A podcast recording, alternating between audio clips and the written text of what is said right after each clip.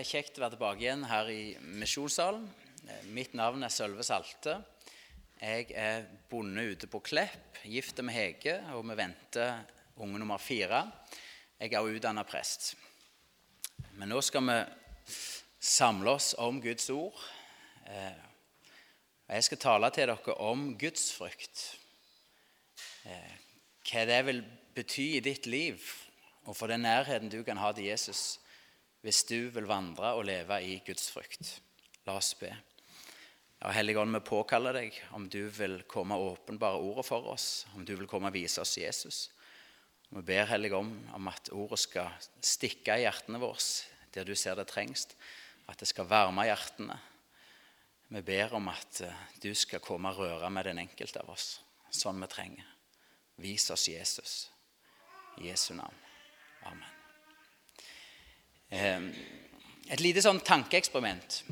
Se for dere at når dere kom kjørende eller gående til misjonssalen i kveld, så sto det seks digre, svarte, pansra biler ut forbi. Det var rullet rød løper hele veien ut. Massevis av eh, sikkerhetsvakter med øretelefoner. Dere hørte engelsk vært snakket rundt. Dere ble visitert hvis det så ut som dere hadde noe mistenkelig på vei inn her. Og når dere kom inn og satte dere her i misjonskvalen i kveld, så så det Barack Obama eh, med hele sitt hoff her framme, av rådgivere, sikkerhetsvakter.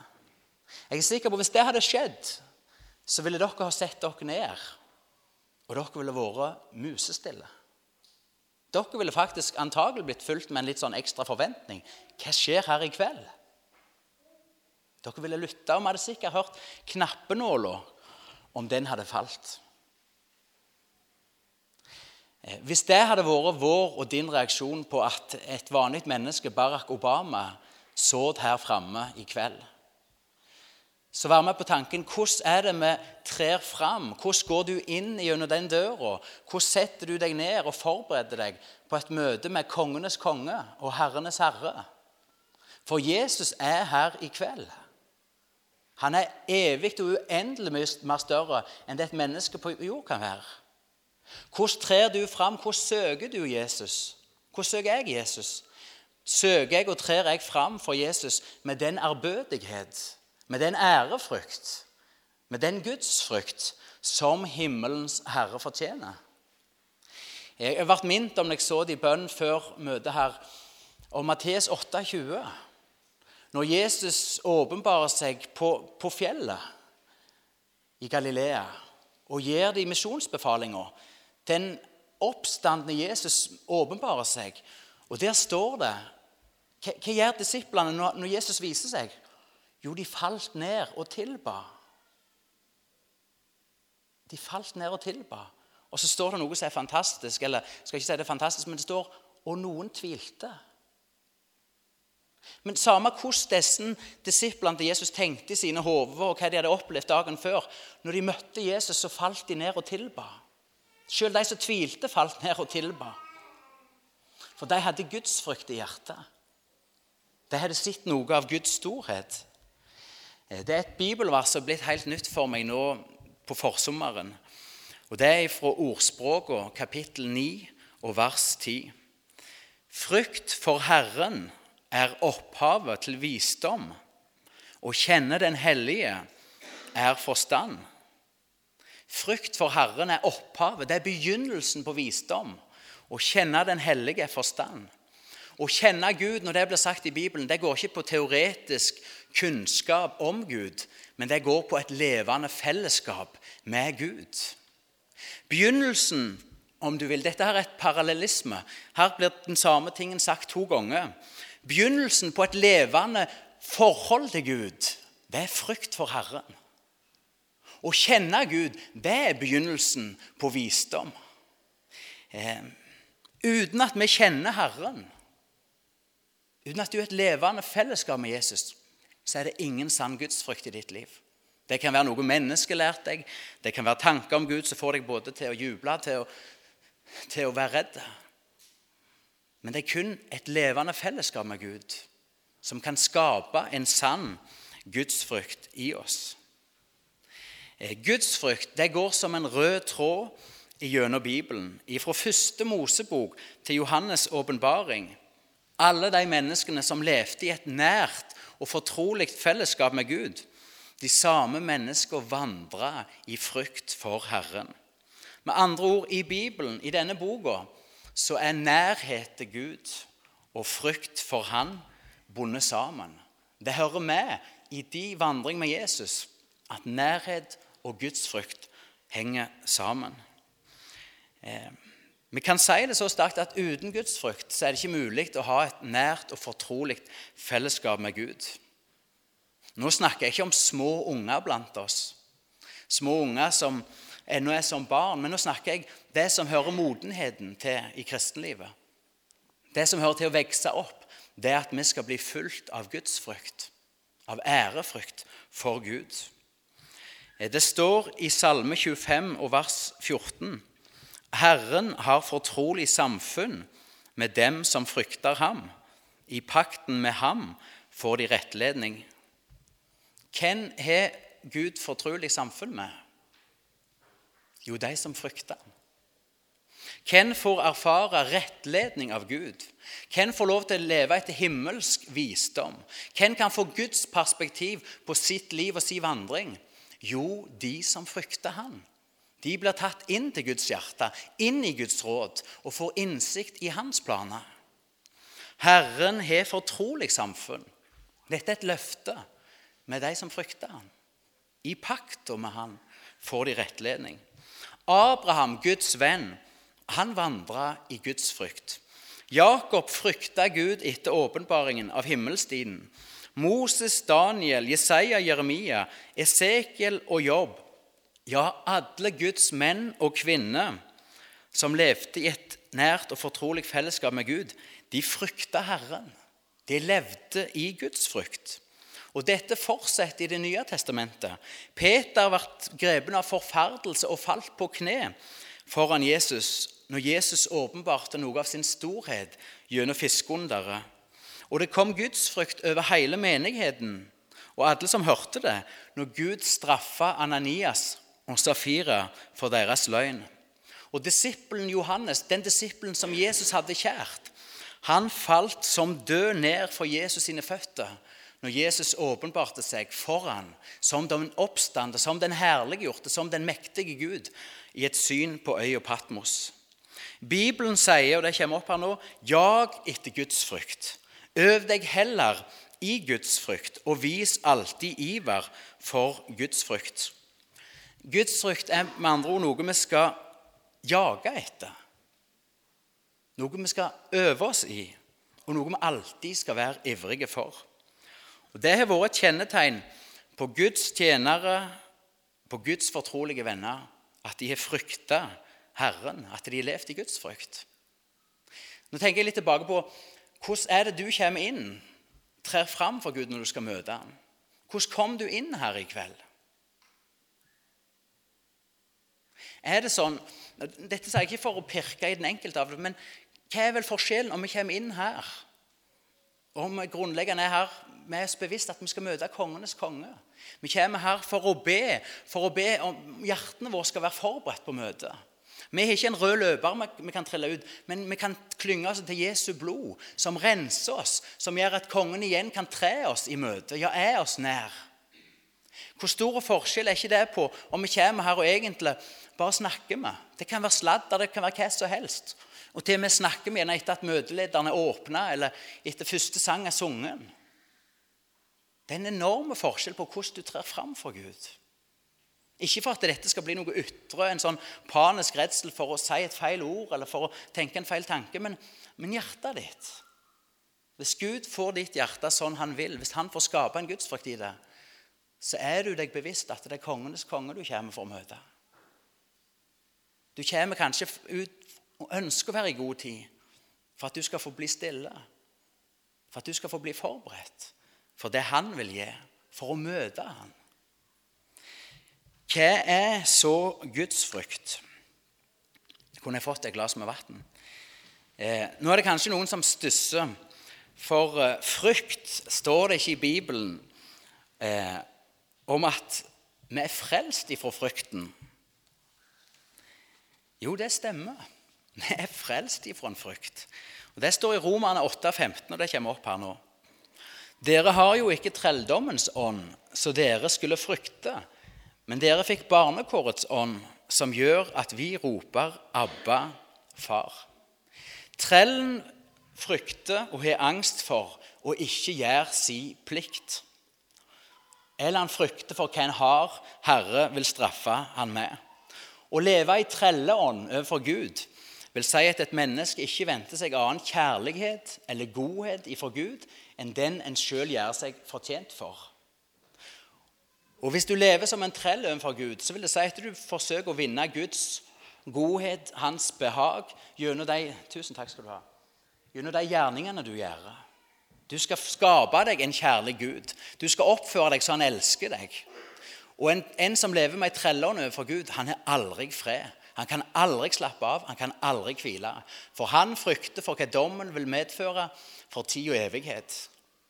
Og denne frykten, trellefrykten, den ble du frelst ifra når du mottok Jesus som din frelser. Når hans blod dekte deg, så ble du frelst ifra dette du skulle gjøre deg fortjent for Guds nåde. For du var den elska, du var den utvalgte i Han. Du har fått fred med Gud med Jesus sine sår. Du har fått Guds tilgivelse i Jesus. Det er ikke noe du skal streve etter, det er ikke noe du sjøl skal fortjene, men du får det. Denne frykten er du frelst ifra. Eh, når du ble et Guds barn, så fikk du barnekårets ånd. Den hellige ånd som er barnekårets ånd. Du ble et barn for Gud. Du fikk fred med Gud. Eh, og Det står også flott i 1. Johannes 4, 18, den fullkomne kjærligheten driver frykten ut. Og Her kunne vi stoppet, og så kunne vi sagt takk og amen. Og det skal vi si til Gud. For barnekåret, for Guds fullkomne kjærlighet som er utøst i mitt og ditt hjerte ved Den hellige ånd, som driver trelldomsfrykten ut, som gir oss fred, som gjør oss at vi forstår oss som elsket, som Guds barn, som gjør at vi ikke forsøker å vinne Guds gunst, men vi ønsker å gi vårt liv tilbake igjen som en gjengave. Ikke som et offer, men som en gave tilbake igjen. Eh, men vi skal ikke stoppe her i kveld.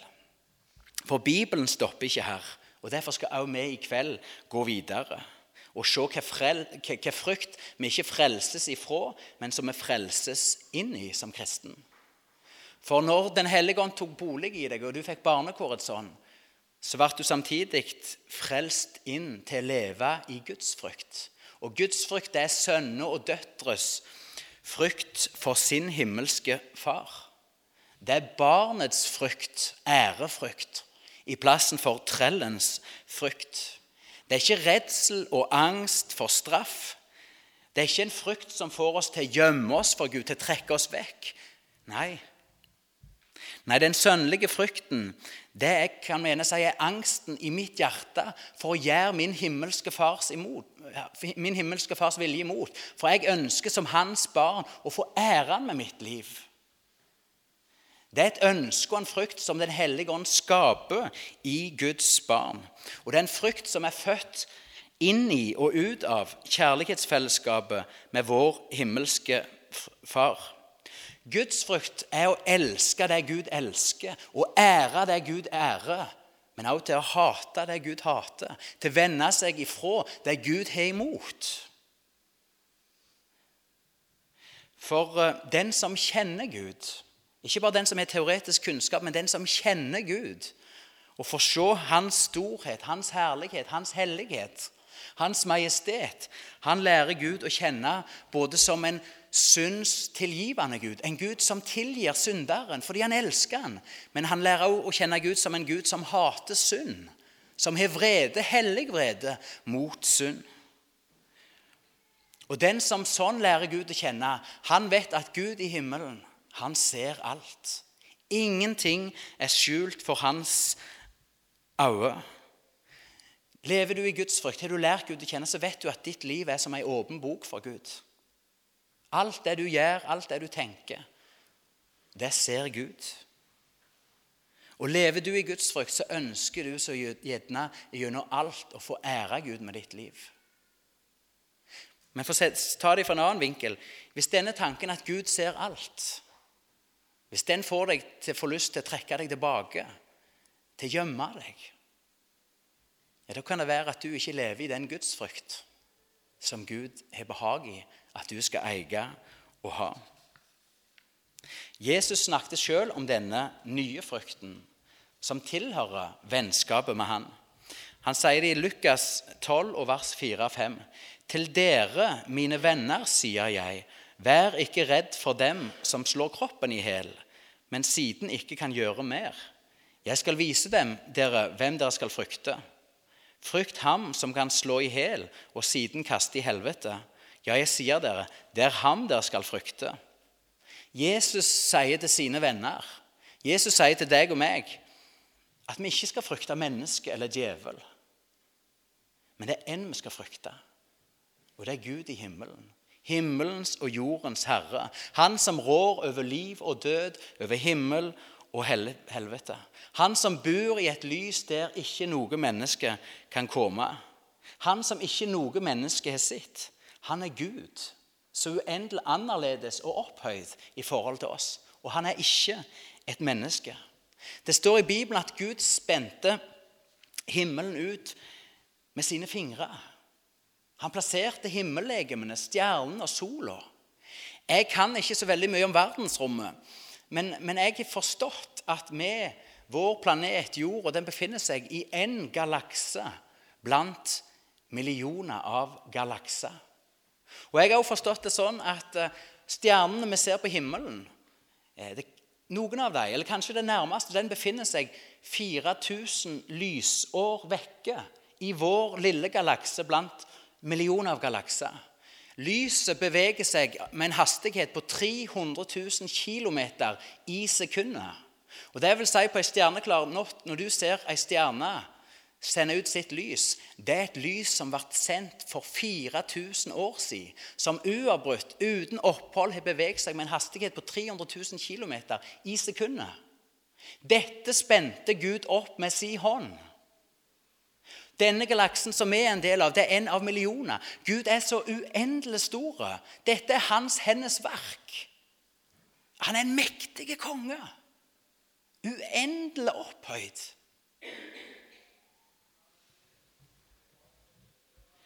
Når vi får se litt av hans storhet, ane litt av hans kongeverdighet, så kjenner jeg at en hellig frykt tar meg en ærefrykt for Guds storhet, for hans makt. Hva er Guds frykt? Vi kan kanskje forstå mer av hva Guds frykt er, også med å se på hva Guds frykt ikke er. Det som viser mangel på Guds frykt, det er til å tre fram for Gud med mangel på respekt med mangel på ærefrykt. Og I 3 Mosebok kapittel 10 og vers 1 og 2 det kommer ikke opp på skjermen, der står det om Aron sine to sønner, Nadab og Abihu. De var sett til prestetjeneste. Akkurat sånn som oss, for vi er et hellig presteskap. Men de hadde en tjeneste i den gamle pakt, og de var sett til å bære fram ild og offer på alteret. Men det står om disse i 3. Mosebok kapittel 10 at disse to Aronsønnene de bar fram fremmed ild, vanhellig ild, på Guds alter. De kom og søkte Gud med manglende respekt. De tenkte gjerne ja, men ild er jo ild. De satte Guds ord og bud og forskrifter til side og tenkte hallo, vi kan bruke hodet, her er det en ild. Klart vi kan bære den fram. Og så setter de antakelsen egen forstand over Guds ord. De forbraut seg mot et av hans klare bud. Hva skjedde med Nadab og Abihu? Jo, Guds flammende ild for ut og fortærte dem. Hans dom var umiddelbar. Og Det lærer oss at å tre fram for Gud med manglende respekt, det er ikke noe vi bør gjøre. Til å sette Hans ord til side og opphøye vår egen forstand og tenke ja, men ild er jo ild. Hallo, hvor vanskelig skal vi gjøre det? Nei, sånn er ikke Gud. Han har sett, gitt sine bud for at de nøye skal følge seg i Salme 119. Han har gitt sitt ord for at du skal ta det og holde det høyt i ære. Gudsfrykt er nyttig til alt. Nå skal vi se på én ting som gudsfrykt er nyttig til. Det er det å holde oss vekke ifra å synde. Det står i ordspråket 16.6.: 16, Med gudsfrykt holder en seg fra det onde. Og det står i 2. Mosebok 2020.: Vær ikke redde. Det er for å prøve dere Gud er kommet, og for at dere skal ha frykt for ham, så dere ikke skal synde. Legg merke til hva Moses sier her. Det er ikke kjærlighet og de berusende følelsene som vi kan ha overfor Gud, som forhindrer oss i å synde. Men det er frykt for Han som kan holde oss vekke ifra synd. Gud sa gjennom kong Salomo med Guds frykt holder en seg fra det onde.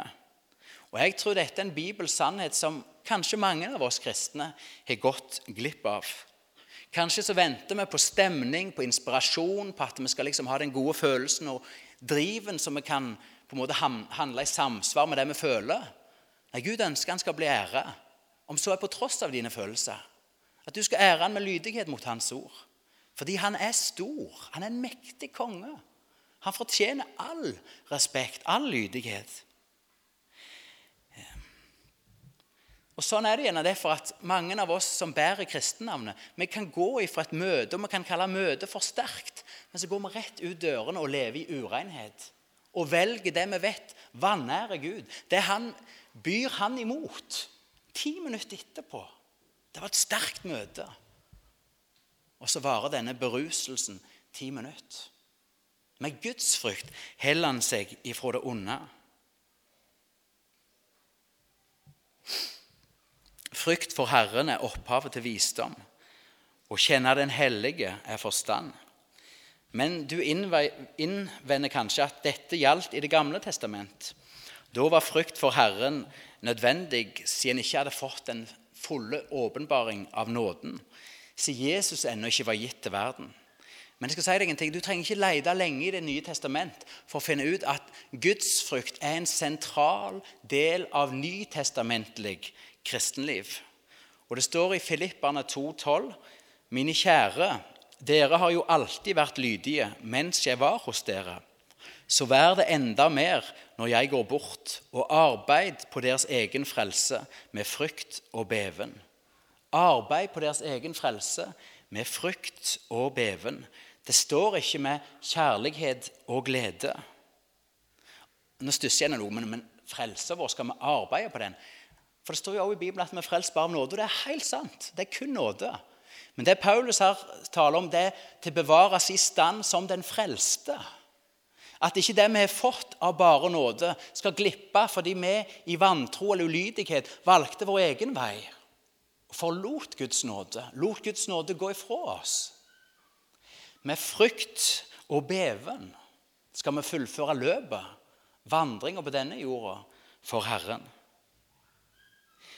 Det står i 1. Peter 1, 17, Lev i Guds frykt den tid dere er her som fremmede. Og i 2. Korinter 7,1 så står det La oss rense oss fra all urenhet på kropp og ånd og fullføre vår helliggjørelse i frykt for Gud. Igjen legg merke til Han sier ikke 'fullfør vår helliggjørelse i kjærlighet og glede'. Nei, i frykt. Med ærefrykt for den uendelig store, opphøyde Gud som har bøtt seg ned, som elsker oss. Og i ords... Nei, nå skal jeg ikke hoppe så langt. Nå I sommer så leste jeg også en bok av en forfatter som heter John Bever. og Boka heter 'Nærmere Gud'. Og Der forteller denne forfatteren om et fengselsbesøk som han hadde hatt, hvor han var så en velkjent forkynner som hadde falt i synd og forbrutt seg mot lover, og nå så det inne. Og han sier, han spør, 'Når var det du slutta å elske Jesus?' spurte jeg. Han så på meg og svarte uten å nøle, 'Det gjorde jeg ikke.' 'Men hva så med bedrageriet og utroskapen?' spurte jeg forvirra. 'John', sa han, 'jeg elsker Gud gjennom alt dette, men jeg frykter han ikke.' Og så sa han noe som gjorde meg stum. 'Det fins millioner av amerikanske kristne som har det akkurat som meg, John.' De kaller Jesus sin frelser, og de elsker han, men de frykter han ikke som den høyeste Herre. Og Kanskje er dette også likt i Norge. At det er mange som av oss kristne vi elsker Gud, og vi kan ha gode følelser i gode tider, men vi frykter han ikke som den høyeste Herre. Som herre over liv og død, over himmel og helvete. Gudsfrykt. Med gudsfrykt så heller vi oss fra det onde. Og I ordspråket 8.13 så står det 'Frykt for Herren er å hate det onde'.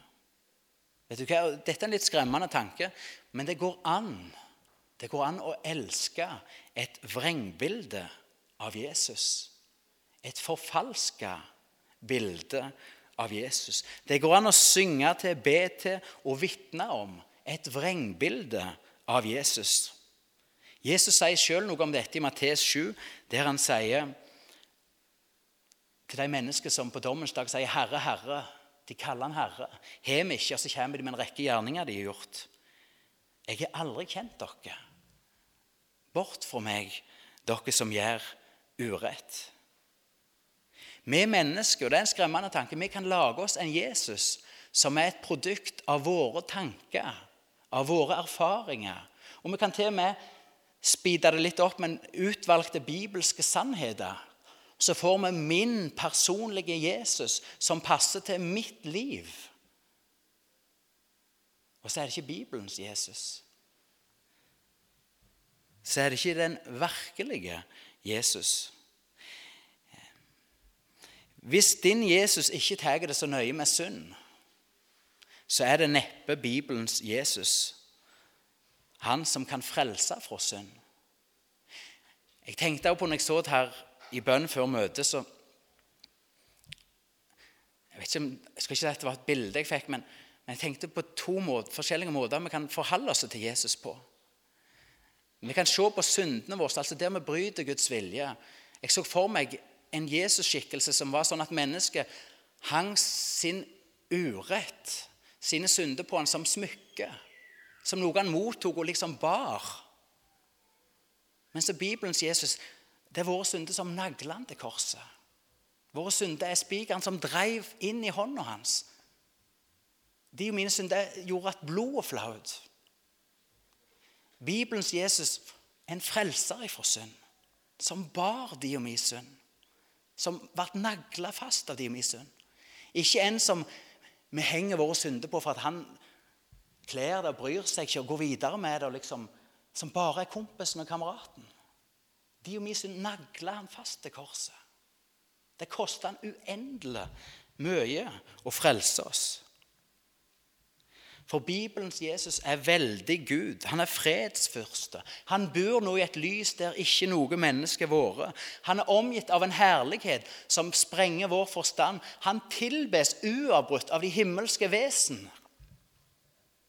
Den virkelige Jesus, Bibelens Jesus, han fryktes og elskes av alle som i sannhet har lært han å kjenne. Den virkelige Jesus, han refser og tukter. Han trøster og oppmuntrer. Han er vår bror. Han er et sant menneske. Men han er også vår Gud, så uendelig opphøyd, annerledes enn oss. Hvis din far i himmelen er fornøyd med alle dine valg og applauderer deg hver ny dag og sier 'Toppas, du er best', så er det antagelig ikke Bibelens Gud du taler om. For han tar seg av, sier Guds ord, og tukter hver en sønn han er kjær. Han ber deg i sitt ord om at du skal vandre i frykt, om at du skal gi akt på deg sjøl, at du skal vise utholdenhet og fullføre løpet. Han kjenner veien, han kjenner terrenget, han kjenner hjertet ditt. Han elsker deg uendelig, men han elsker deg så høyt at du ikke skal gå deg vill. I vår tid jeg vet ikke om det gjelder dere, men i vår tid så er veldig mye av respekten for det hellige vekke. Vi står i fare for å gjøre Gud så alminnelige, så rent menneskelige og bare menneskelige, at det er lite som minner om Bibelens Gud universets skaper, han som spent alt ut med sin hånd. Han som troner og regjerer. Han som bærer alt med sitt mektige ord og sin hånd. Det går an og la dette bli en advarsel, det går an å lage seg et vrengbilde på Jesus. Og det har skjedd med Guds folk før. Israelsfolket, det som står om dem i Bibelen, det er skrevet eller Paulus sier i første kort tid at det er skrevet som advarende eksempel til oss. Israelsfolket ble frelst ut ifra slaveriet, ut ifra den unge kongen farao, gjennom blod. Lammet ble slakta, blod strøk over dørene. De ble frelst gjennom Sivsjøen, gjennom et Guds under. Og hva gjør de kort tid etter at Gud mektig grep inn og viste sin storhet og frelsesmakt? Jo, Moses, På Sinafjellet går Moses opp for å møte Gud. Og Han vet ikke hvor mange dager eller hvor lenge han har vært vekke. Men så begynner folk å murre og sier hvor blir det av denne Moses? Og så går de til Aron og sier lag oss en gud. Så organiserer Aron en innsamling av gull, så de smelter, og så lager de gullkalven. Og Nå tenker vi ja, men de var jo helt ute på vidden. En kalv det ville jeg aldri gjort. Men les teksten der det står, og legg merke til hva de sier. Så sier de, se her, Israel. Her er Herren som førte deg ut av Egypt. Her er din Herre. Her er din Gud. Gullkalven var ikke en Baal eller en fremmed gud, men det skulle være frelserguden. Og hva gjorde de? Jo, de holdt gudstjeneste og feirte rundt gullkalven. De ofra, og så sto de opp i forlystelse og danste. De forsøkte å leve et fullblods, om du vil, kristenliv, eller liv som Guds folk, med gullkalven. Og Hadde ikke Moses kommet tilbake og knust steinblokkene, så ville de antagelig forblitt i sin villfarelse og sin løgn og trodd at dette er Guden som frelste oss. Og så hadde det jo vært veldig greit, for det var jo en Gud de kunne bære med seg. Gud, når han frelste dem, så gikk han foran dem. Han rydda veien, han åpna veien. Han viste sin makt, men dette var en Gud som de kunne bære med seg og gå på sine veier, og samtidig ha Gud med. Er dere med i bildet? Likt òg i vår tid. Det er en fare for oss at vi kan lage oss vår gullkalv. Vår Jesus, der vi tar utvalgte noen sannheter. Litt erfaring og litt hva som passer. Og så lager vi et vrengbilde. Se, her er din Jesus. Han som frelste deg. Og så kan vi som deg lage en Gud som vi kan bære med oss. Ikke en Gud som bærer oss, og som fører oss. Når jeg første gang lagde denne talen, eller fikk dette her på hjertet, så om, så jeg for meg ei syttefille av alle ting. Eh, jeg forsto ikke at det hadde, var et budskap i den, men, men jeg velger å ta det med. for jeg tror kanskje det. Ei syttefille. En unge, en baby som har ei syttefille, det er altså en koseklut for en unge. Det er noe de gjerne ligger og suer på på kvelden og alltid vil ha med seg. alltid ha i seng. Og En unge kan bli utrolig glad i ei suttefille. Prøver du å ta den ifra, så skal du se et ansikt du ikke trodde du kjente. Den kan fyke opp i raseri. Det er liksom omtrent som det var livet, denne suttefilla. Og når jeg tenkte på ei suttefille, så tenkte jeg på at hvis dette skulle gjelde noen av oss, hvis dette skulle gjelde meg Jeg kan bli utrolig glad i det vrengbildet av Jesus jeg har lagd meg. Det vrengbildet av Jesus som jeg kan synge sanger til, som jeg kan takke for frelsen for. Det er så mange ting en kan legge inn i et sånt vrengbilde hvis det er blitt ei suttefille. En annen ting som jeg vil si noe som er en fare for oss, det er at vi i vår kristenliv blir så sjølsentrerte. Vi blir som en snurrebass der egentlig alt kretser rundt oss sjøl i plassen for at det skulle kretse rundt Gud. Og Det er ei varsellampe. Hvis du i ditt kristenliv kretser kun om deg og ditt, så lever ikke du akkurat nå et sunt kristenliv. Du trenger omvendelse. Du trenger en ny kurs, en ny retning. For vi skal kretse om Jesus, og ikke være snurrbasser som sviver rundt vår egen akse.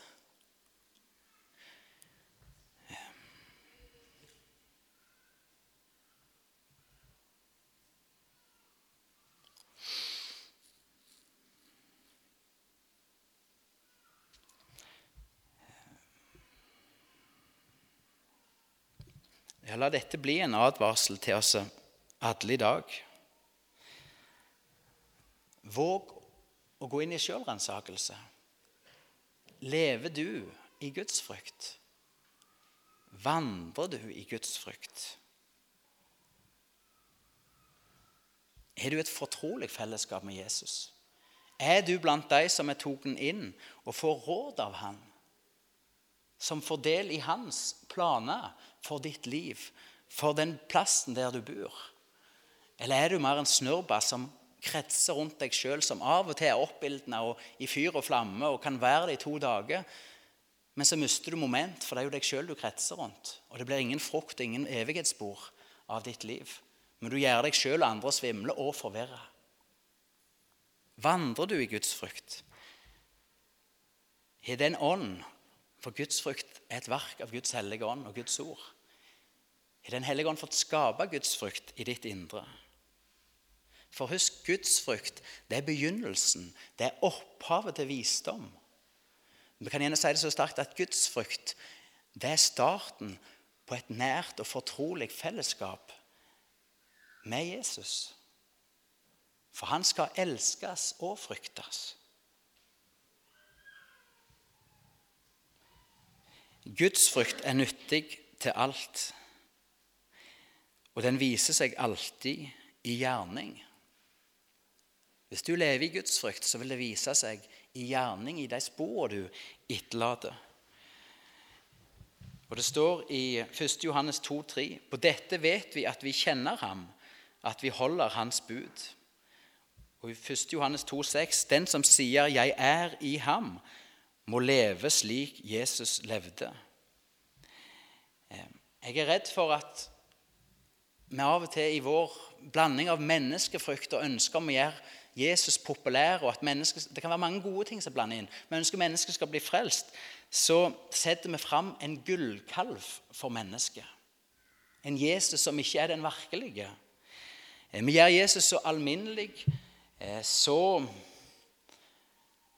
menneskelig. Og han er sant menneskelig.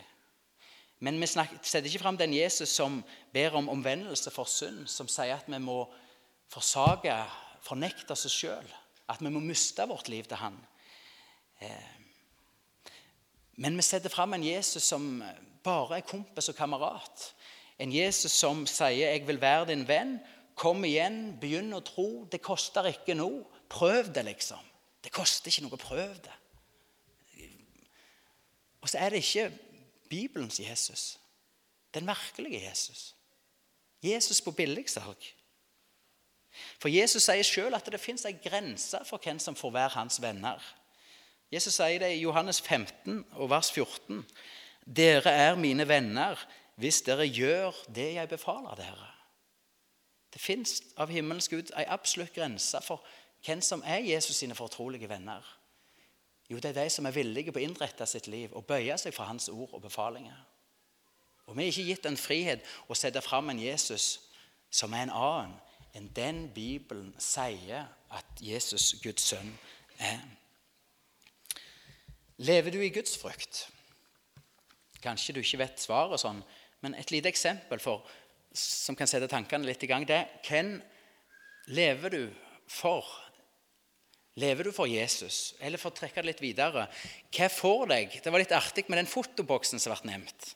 For hva får deg til å holde fartsgrensene når du er ute i trafikken? Eller eventuelt til å bremse opp når du oppdager at farten er for stor? Er det frykten for politi eller frykten for ei bod? Eller er det frykten for Herren? For Bibelen sier at vi skal underordne oss myndighetene. Gud har behag i at du følger fartsgrensene. Er det frykt for politi og fartsbokser som får dere til å kjøre riktig?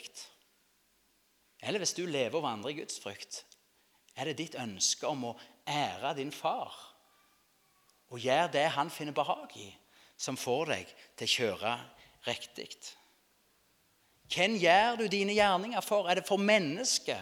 Er det for deg sjøl, eller er det for han? Han ser alt. Ditt liv er som ei åpen bok for han. Ingenting er skjult. Frykt for Herren er opphavet til visdom. Det er begynnelsen på visdom i ditt liv. Å kjenne Den hellige, det er forstand. Hvis du ikke vet hvordan det står til med deg, om du lever i Guds frykt, om du vandrer i Guds frykt, Eller om du har skapt deg en gullkalv som du danser rundt, som du bærer med deg. Eller om det ikke er gått så langt at du er på vei vekk ifra den rette vei. Ifra ei helhjerta vandring med Gud. Hvis du ikke kjenner svaret på hvis jeg spør deg lever du i Guds frykt, så skal jeg si deg at Gud har gitt deg en vei der du kan vinne innsikt i det spørsmålet. Det står i Ordspråket kapittel 2 og vers 1-5.: Min sønn, ta imot mine ord og ta vare på mine bud så du lytter til visdommen og prøver å forstå med hele ditt sinn. Ja, bare kall på forstanden og rop med høy røst etter innsikt. Let etter den som om det var sølv, grundig som når en graver etter skatter. Da skal du skjønne hva Guds frykt er, og vinne kjennskap til Gud. Veien til gudsfrykt er åpen for deg. Og Jeg skal nå gi deg de punkter som denne bibelteksten sier er en vei for å vinne innsikt, for at du skal forstå med hjertet ditt, med hele deg, hva gudsfrykt er, og at du skal få lov til å leve i den velsignelsen det er til å leve i frykt for Herren. Første skritt er ta imot Guds ord. Min sønn, ta imot mine ord. Det er det første du skal få gjøre. Du skal få motta alt i Bibelen som Guds ord. Uten om du forstår det, om du skulle tvile på noe av det. Du skal få ta det imot. Og Det neste du skal gjøre, det er at du skal grunne på det. Det står i teksten prøv å forstå med hele ditt sinn. Lytt etter visdommen. Ta imot Guds ord. Grunn på det. Tenk på det. Forsøk å trenge deg inn i det. Og Det neste du skal gjøre, du skal få lov til å be om hjelp. Rop med høy røst etter innsikt. Be over ordet. Be Gud ved sin ånd om å åpenbare ordet for deg. Gjør ordet levende. Ta imot ordet. Forsøk med hele din kraft, hele din innsikt, å forstå det. Be om hjelp. Og Så står det videre, bare for å understreke at dette er ikke noe du skal ta lett på. Her står det 'leit grundig etter svar'. altså det er mine ord, men så står det 'som etter sølv'. Grundig som en graver etter skatter. Altså hvis, hvis, dette er bare noe jeg, jeg skulle likt å visst om jeg levde i gudsfrykt, men jeg gir det fem minutter nå i kveld, og hvis jeg ikke får et svar, så går jeg videre og satser på alt er greit. Da tar du ikke Gud på alvor. Hvis jeg, jeg er bonde og har noen kjelver, hvis jeg hadde visst jeg hadde en stor skatt på den ene kjelva, og en eller annen hadde sagt han er ca. der, så var det ikke sånn jeg hadde tatt med meg ei spade, så hadde jeg spatt tre spadetak, og så Nei, jeg fant den ikke.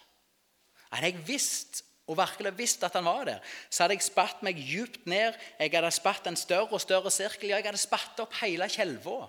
For jeg var på skattejakt. Det var avgjørende at jeg fant skatten. Og Sånn er det også for ditt og mitt kristenliv. Det er avgjørende at du får leve i gudsfrykt, at du får innsikt, at du får forstand på dette. Ta imot ordet. Grunn på det. Bevar det. Be om innsikt. Leid og leid igjen og igjen. Treng deg inn i ordet i Bibelen.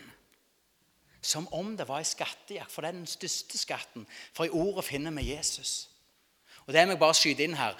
Gudsfrykt det er jeg sikker på er noe Den hellige ånd skaper når vi er i ordet og vi får se Jesus. Når vi får se inn i hvem han er, hva han har gjort. Hans storhet. Så er det en respons i ditt og mitt hjerte at vi fylles med en hellig ærefrykt. En uendelig respekt for Guds storhet, for hans grenseløse nåde.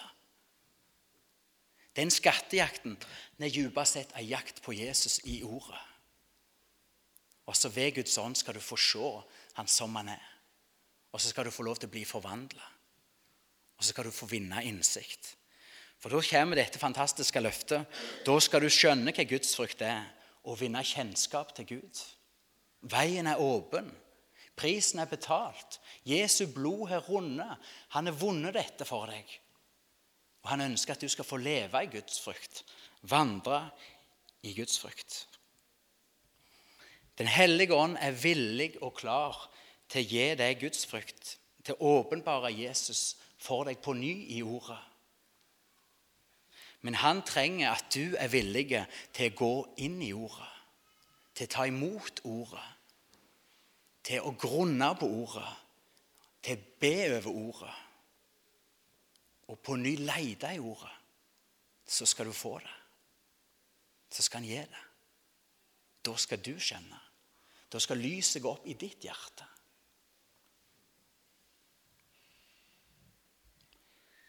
Jesaja 11 sier, eller taler om Den hellige ånd som gir, ånden som gir kunnskap om Herren og frykt for Herren. Og Så står det videre han skal ha sin glede i frykten for Herren. Det kan også bli en realitet. Dette var et profeti om Jesus, men det kan også bli en realitet i ditt liv. At Den hellige ånd skaper kjennskap og frykt for Herren i ditt liv. Og du skal få ha din glede i å vandre i Guds frykt. For Guds frykt skaper ikke kua og feige mennesker. Men hellig frykt skaper modige menn og kvinner som står opp for sin frelser, frie fra menneskefrykt og fullt av Guds frykt. Guds frykt gir ro og retning over ditt liv. I plassen for at vi og du skal være som en snurrbass som kretser rundt din egen bane, så skal vi gjennom Guds frykt få komme inn i Guds bane og kretse om Jesus. Det er et fantastisk liv Jesus har vunnet for oss, som han ønsker å leve gjennom oss. Guds frykt er opphavet til visdom. Du kan ikke leve et nært og intimt fellesskap med Jesus uten at du lever i Guds frykt. Lever du i Guds frykt? La oss be. Kjære Jesus, vi takker deg for din uendelige nåde. Vi takker deg for blodet ditt som rant. Vi takker deg for at vi ikke lenger er som treller som frykter for dommen, for helvete. Men takk for at vi med ditt blod og ditt offer har fått fred, har fått tilgivelse. Takk for at uh, den fullkomne kjærligheten har drevet og på ny og på ny skal drive menneskefrykten og trellefrykten ut av våre liv. Og Herre Jesus, jeg ber deg for hver enkelt her inne om at alle som er dine, at trellefrukten ikke skal få rom i hjertet, men at din fullkomne kjærlighet skal drive trellefrukten ut. Så vi ikke gjør noe for å vinne din gunst, men at vi lever som de som er elsket, som de som du har funnet og har behag i. Og Herre Jesus, så ber jeg for mitt eget liv og for hver enkelt her inne om du vil velsigne oss med et liv og en vandring i Guds frykt. Vi påkaller deg, Hellige Ånd, du ånd som gir kjennskap til Herren og frykt for Han. Om du vil gjøre ditt verk i våre liv, i den enkelte. Ber Herre Jesus om at vi alle skal få leve i en sann gudsfrykt. Ikke menneskeskapt, men en av ditt ord og ånd skapt gudsfrykt. Og Herre Jesus, så ber jeg også hvis det er noen som nå trenger å gi avkall på ei suttefille på noe de sjøl har lagd, om det skulle være begynnelsen på en gullkalv eller et vrengbilde av den du er. Herre, sannheten skal sette deg fri. Ditt ord er sannhet. Du sannhetsånd, sett mennesket fri. Jesus, gjest den enkelte. Stell du med den enkelte sånn du ser det trengs. Og har Jesus prøva mitt hjerte. Prøv om jeg er på den rette vei. Og led meg på evighetens vei. Rens oss, Gud.